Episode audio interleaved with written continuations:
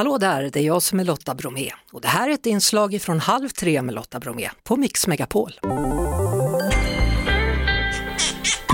Mat och vin. Så, då är du tillbaka. Jag är så glad, det är andra gången den här veckan. Ja, Välkommen hit lyxigt. igen, Jessica Frey. Eh, vi pratade baka glutenfritt, baka gott glutenfritt som din nya bok heter som gavs ut i onsdags. Idag ska vi då återgå till maten och hösten sa vi redan förra fredagen är tid för husmanskost. Det är det verkligen.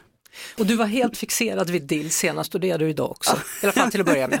Men dill är ju en favoritkrydda. Prova att ha den i allt möjligt från tzatzikin till dillköttet som vi skulle prata lite om. Åh. Ja, din favoritlåt och det är faktiskt lite kul för det är en rätt som man gör med ättika i. Alltså det är en lite gräddig sås med då dill men man har också ättika för att få in en liten syra.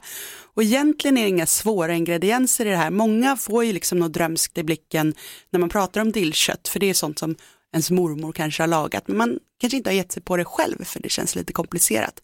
Men ingredienserna som är i det är nog sånt som de flesta har hemma. Det är lite morot och lite vitpeppar och dillfrön, ättika, vatten och grädde ungefär.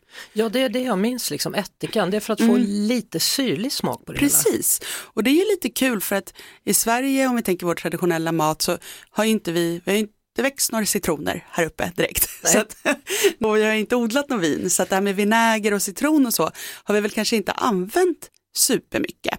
Kanske att vi har gjort vinäger i och för sig på äpplen och sådana saker. Men just ättikan är ju en stapelvara i vårt kök med inläggningar och så. Och här använder vi den även i en varm maträtt.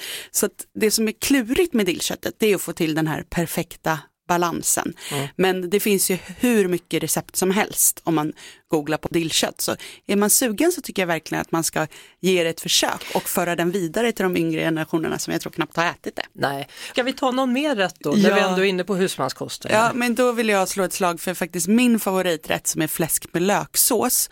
Och den åt jag första gången när jag var på landet när jag var liten med min mormor. Jag var ganska kräsen i maten så hon trodde inte att jag skulle tycka om det när hon serverade det. Men jag blev kär direkt för det är också en sån där mild och finstämd rätt, den här söta löksåsen och så är det salta riktigt krispiga fläsket. Och jag brukar göra så att jag lägger fläsket på en plåt i ugnen och kör in det där så man kan göra mycket på en gång så blir det också perfekt krispigt. Och så den här löksåsen, då tar man ju bara jättemycket finhackad lök, steker den i smör, på med lite grädde, lite mjölk, låter koka ihop, så reder jag med lite majsena brukar jag göra, vitpeppar och salt. Men var kommer det söta smaken ifrån? Är det löken Det är löken, liksom precis. Ja, exakt, eller man går inte så långt att man karamelliserar men den får ändå steka ganska länge så den blir helt mjuk och liksom lealös brukar jag säga med grönsakerna. När, när de tappar all spänst och så lite kokt potatis till det. Inte dumt, alltså dillkött, stekfläsk med löksås. Mm. Nästa vecka tar vi tag i kålpuddingen eller? Vi nämner det nu. Ja, nej men kålpudding är ju otroligt gott och där la jag faktiskt ut ett recept på Facebook för inte så länge sedan och då fick jag så mycket skit för att jag hade ris i. Det var tydligen en delad mening. Men jag tycker att det ska vara då grötris som man blandar i färsen kokt och så har man lite kryddpeppar och grejer och sen så massor med kål då på och så gör man en god gräddsås till det här och lingon. Det är fantastiskt gott.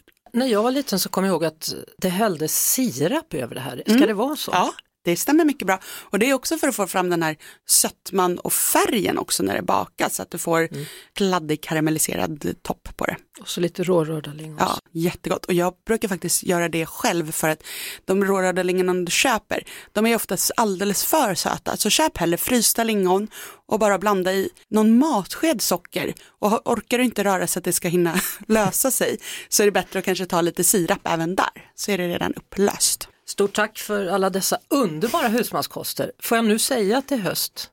Ja, men vi, vi checkar väl in hösten nu helt enkelt. Vi gör det. Tack så mycket för denna gång Jessica Tack. Frey.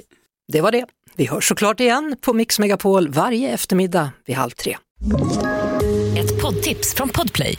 I podden Något Kaiko garanterar östgötarna Brutti och jag, Davva, dig en stor dos skratt.